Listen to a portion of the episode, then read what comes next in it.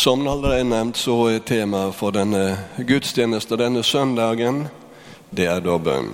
Og når vi hører teksten, evangeliet lest, så ser vi og hører vi og forstår vi at dette er noe som er veldig sentralt for denne dagen. Både for oss som er samla i ei kristen kirke, og for de første som samles rundt omkring i heimene og hørte Jesus lære dem denne bønna. Det var disiplene. De var samla med han, og de hadde sett at Jesus han brukte bønna veldig ofte i sin tjeneste. Og de så at bønna hadde virkning. Gud hørte når de ba. Og slik er også denne teksten og denne oppfordringa som Jesus gir til disiplene, den er det samme som han gir til oss her i dag. Han vil at vi skal vende oss til Han i bønn i våre liv. Veldig ofte så tenker vi på oss sjøle, på vårt eie, og det kan vi så gjerne gjøre. Det er ikke noe galt i det. Ofte blir det at hvis du begynner med deg sjøl, så er det lett for å ende med deg sjøl. Jeg tror at hvis vi hender snur litt på det, ser på det som er Guds rike tanken Hva vil Gud med meg? Hva vil Gud med at jeg ber? Hva er det viktigste for meg som den som har åpna ei bønne, bønnevei til Gud å be om? Og begynner vi der ute, enten det er misjon, menighet, forsamling, landet vårt, bygda vår, der jeg og du bor, da kommer vi inn til det sentrale til slutt. Det kan være familien, barn, barnebarn. Og vi har alle våre kjære som vi da vil be for. Og jeg tror at når Jesus lærer disiplene å be, så tenker ikke han bare på dem personlig, det de skulle få oppleve, men han tenker på det som Gud vil skal skje i verden, nettopp ved deres tjeneste. Lær oss å be, sa de til Jesus. Ja, vi trenger også å lære å be. For bønnelivet er ikke alltid like enkelt. Ikke det at vi har vanskelig for å uttale ei bønn, eller formulere den slik at den blir ei fin bønn. Det trenger ikke å være det. Ofte, i gamle dager i alle fall, når jeg gikk på bedehuset, det var bønnemøte ofte der. Det er ikke så ofte vi har bønnemøte i dag, verken i kirke eller bedehus. Men noen ganger så la jeg merke til at Enkelte var veldig flinke til å formulere bønnene. Kunne nevnt navn, kjente personer i dag. Men eh, sjøl så var jeg litt beskjeden i barndommen. Syntes det var vanskelig å be. Be høyt. Andre kunne høre hva jeg ba om. Men hva er det denne teksten vår sier i dag? Er det tale til oss i bønnesamlinger i bedehuset og i kirka? Nei. Han sier gå inn i det stille rommet. Gå inn i det rommet der ingen andre hører deg. Og så skal du be til Far din, som er i himmelen. For han hører deg. Om du bare kviskrer om du er stille for Han, ei stille stund med Jesus. Og så taler han til oss i ånd og i ord. Jeg husker fra tjenester ute så var det ofte vanskelig å finne sånne stille rom. Det var folk på verandaen, det var folk i huset, vi hadde tjenere. Det var å finne et stilt rom. Dørene sto jo alltid åpne, for det var veldig varmt. Og vi måtte ha litt gjennomtrekk. Og Da hadde vi ett rom som var helt stilt. Det heter godan. Det betyr lagerrommet, der de, de engelskmennene hadde varene sine. Da kunne vi gå inn der, for der hadde ikke de noe med å gå inn. Og så kunne vi lukke døra bak oss. Ta med oss Nytestamentet eller en bibel, enten alene, ofte det, eller sammen med noen andre i familien. Og være stille der. Det stille rommet Har du et stille rom der du bor? Ja, du har mange rom. Og kanskje har du også et stillerom, et andagsrom, et bønnerom. Jeg tror at vi trenger å være stille for Gud for at Han kan få tale til oss. Hverdagen vår den er full av oppgaver, full av tanker, full av informasjon. Mobilen ringer, TV-en står på. Musikkanlegget det er veldig fint å høre på. Jeg gjør det ofte. Men det også tar sin tid.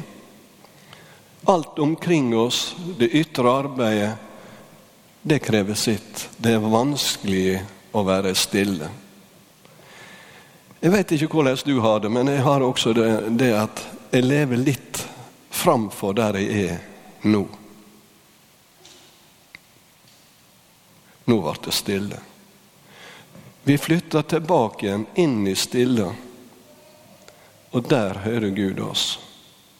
Hvis vi hele tida tenker på hva skal jeg gjøre om en halvtime, med en time, i dag, videre Hva er jeg opptatt av i tankene?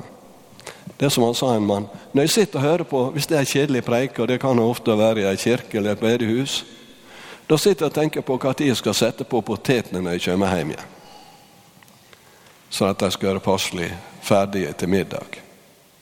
Eller andre praktiske ting som jeg gjerne skal gjøre. Og jeg har tatt meg sjøl i det. Ofte sitter jeg sjøl på ei gudstjeneste, på et møte, og så flyr tankene. De er lette som luft, og så fer vi av gårde. Jeg tror når Jesus bruker så sterke ord og anbefalinger til disiplene som hadde sett Jesu bønneliv, så gjør han det enda mer til oss i dag. Når du vil be, så gå inn på ditt lønnerom, lønnkammerrom, sto det i gamle dager, og lat att døra. Og be til far din som er i det løgnde eller i det skjulte. Og far din som ser deg i det løgnde, han skal lønne deg. Det er ikke et tomrom, det stille rommet, men et rom der Gud er nær. Og hvis vi titter litt i Paulus' sitt brev til romerne, så bruker, han, eh, bruker Paulus der uttrykket at vi er blitt barn. Er, vi er blitt arvinger, og vi roper 'Abba, pappa'. Pappa vår, du som er i himmelen. Egentlig det er det Jesus sier til deg. Mye nærere enn vi er med oss sjøle, så er Gud nær oss som en kjærlig far, en pappa. Og så sier han litt lenger ned i, i teksten her i det åttende kapitlet. Der jeg leser fra vers 26. På samme måte kommer Anden oss til hjelp i vår makteløse. For vi veit ikke hva vi skal be om for å be rett. Men Anden sjøl går i forbønn for oss med sukk uten ord. Og han som ransaker hjertet, veit hva Anden vil. For han bed etter Guds vilje for de hellige. Ja, Paulus i sin tjeneste så trengte han også å gå til det stille rommet. For han visste at der var Guds ande. Det var Guds ande som virka der. Når Gud får lov å være stille, eller når vi får lov å være stille innenfor Gud, og Hans ande får lov å virke i oss, da taler også ordet det Gud vil. Tankene våre blir styrt av Gud. Et lite eksempel har jeg lyst til å ta med i dag. Vi har arbeidet veldig mye med før vi skulle ut i misjon, å få bygd oss et hus på heimplassen der jeg er ifra. Men eh, far mente, som eh, vi hadde gard, at jeg fikk ikke anledning til å bygge et hus til på gården. Så spurte jeg han om jeg ikke kunne få bygge om eller reparere gamlehuset. Det var ei gammel, fin stove fra slutten av, eller midten av 1800-tallet. Nei, sa han, den er jo så gammel. Det er ikke noe å satse på lenger. Du får vente til du får bygge deg ditt eget hus. Jeg ble jo litt skuffa, for jeg tenkte det var ikke det vi hadde tenkt. Og det å bygge sitt eget hus uten penger når vi skulle ut i misjonen, der det ikke var store inntektene, det så jeg for meg som umulig. Så satt jeg en dag på kontoret, det var på Jessheim. Jeg skulle preike dagen etterpå og satt og forberedte meg. Og så satt jeg og las om Salomo, om David. Første kongebok, og så litt i andre kongebok. Nå har vi hørt litt derifra i dag om kong Salomo. Men David han hadde lyst til å bygge dette huset sjøl, han. Tempelet. Men så talte Gud til ham og sa Far, nei, sønnen din skal bygge meg et hus. Ja, da tenkte jeg. Da får jeg bare glemme at jeg skal bygge hus sjøl. Kanskje er det noen andre som skal bygge hus for meg. Og slik gikk det. Da vi kom igjen fra Bangladesh etter 14 år i tjenester ute, så sto der et hus til salg. Det var nabohuset, det der jeg sjøl hadde vokst opp. Og det var huset til onkel Oluf, som vi sa. Onkel til en far. Og der fikk vi flytte inn. Fikk kjøpt det for en rimelig penge, og det ble vårt hus så praktisk, og jeg kunne bruke mange eksempel fra tjenester ute. Jeg hadde tenkt, men i stille talte Gud og viste vei. Viste sin vilje, hva som var til velsigning, og hva som kunne være til hjelp og nytte, også for andre.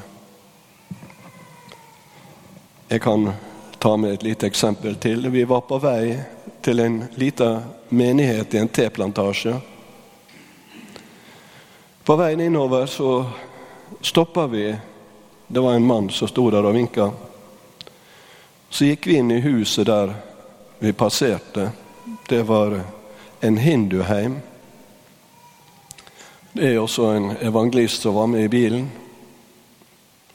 Og Så sier han her er en mann, han har vært syk i lengre tid. Kan ikke dere be for han? spurte han evangelisten om han ville be. Nei, du kan be du, sa han. Ja, Ble enige om at jeg ba, og så ba han litt til slutt. Og så lot vi det være. Overlot denne syke mannen i Guds hand. Han var lærer i bygda.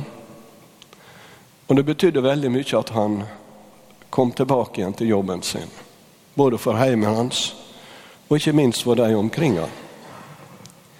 Neste gang vi kjørte forbi der, så spurte vi Vi var ikke inne i huset, men vi spurte en som gikk der, om han jeg husker ikke noe navnet på han lenger, men om han er syk, eller om han er kommet tilbake til arbeid. Nei, han har vært i arbeid i lang tid, han. Han har vært frisk lenge. Så da hadde denne mannen også fått svar på sitt ønske og si bønn. Vi ble stille for å be for en som trengte det. Og i dag har vi det rundt oss mennesker som trenger forbønn.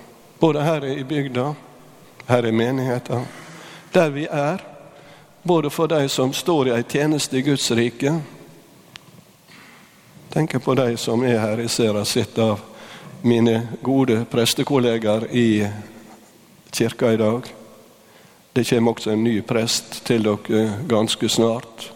Simen er tilbake igjen. Tar vi dem med i våre bønner? Vi skal be for de som har myndighet i samfunnet. Nå er han Jonas. Tidligere var det Erna. Politisk betydning i Guds rike sammenhengen? Nei.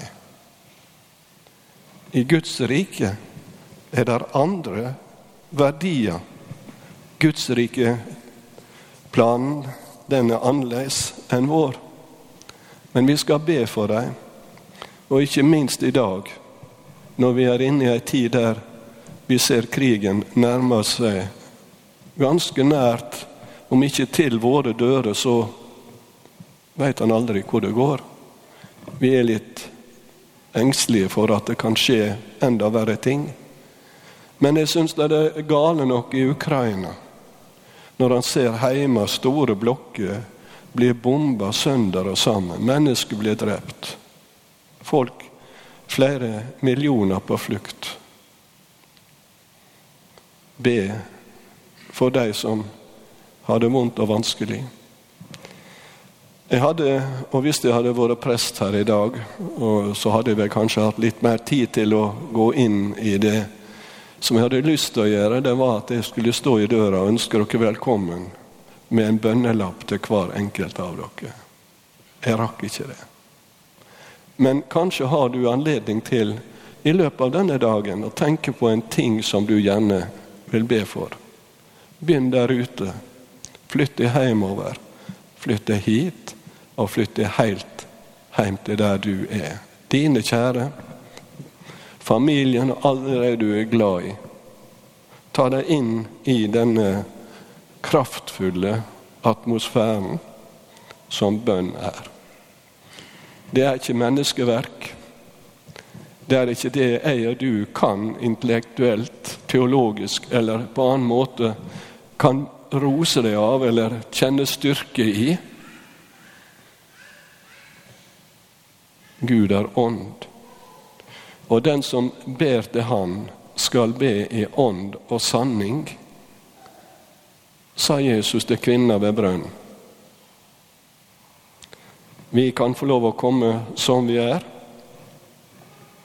og få lov å legge fram for Han det som ligger oss på hjertet. Og så kommer den bønnen som Jesus lærte dem å be. Teksten vår er helt tydelig på det. Kanskje litt vanskelig for oss akkurat i en overgang til en ny form på Fader vår, vår Far i himmelen. Men som dere skjønner, så er det ei bønn som vi kan lese, lese sammen. Når de, ba om at Jesus skulle lære dem å be, og så sa han 'Vår Far', eller 'Fader vår', du som er i himmelen. Så er det ei flertallsbønn. Det er nokså de skulle be sammen. Enkelte sier at Fader vår, det er noe som jeg ber hjemme. Ikke kona engang, ikke mannen min engang hører når jeg ber Fader vår. Ja, Gud hører det. Det er ikke noe problem. Men jeg tror at vi som forsamling skulle være veldig tydelige når vi ber. Ikke for å si noe negativt. Her er dere veldig flinke. Jeg må si, her i Sykkylven kirke så har jeg følt at dere kan dere barnelærdom. Men mange ganger når jeg har grafer her og andre plasser, og så kommer jeg fram til bønna etter jeg holdt ei lita andakt, så jeg la oss sammen be Herrens bønn. Så er det nesten ikke et ord. Hører ingen som ber. Det, vi er litt sjenerte overfor hverandre, så vi kvier oss for å be høyt.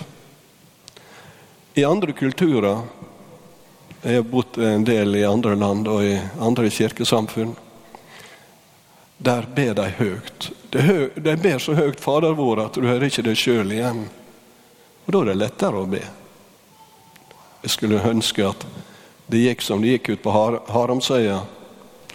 En kollega av meg han eh, kom til gudstjenester. Han var bergenser og hadde hatt preika var ferdig og kom til nattverdstunden han skulle Der tenkte han ja, Fader vår, det kan jeg jo. Men hvis du er bergenser og skal ta Fader opp på nynorsk, så er det omtrent sånn som hvis jeg sier nå ber vi det nye Fader våre i dag. Og så kommer vi ut av det fordi det er noen ord som er blitt forandra. Så blir vi sjenerte, og så lar vi det være. Han kommer, Fader vår, du som er i himmelen. Latt navnet ditt Og så kom han vel litt lenger, jeg husker ikke hvor langt han kom. Men så kom han av. Ble det stilt, og folket lurte nå på kan ikke presten Fader vår engang.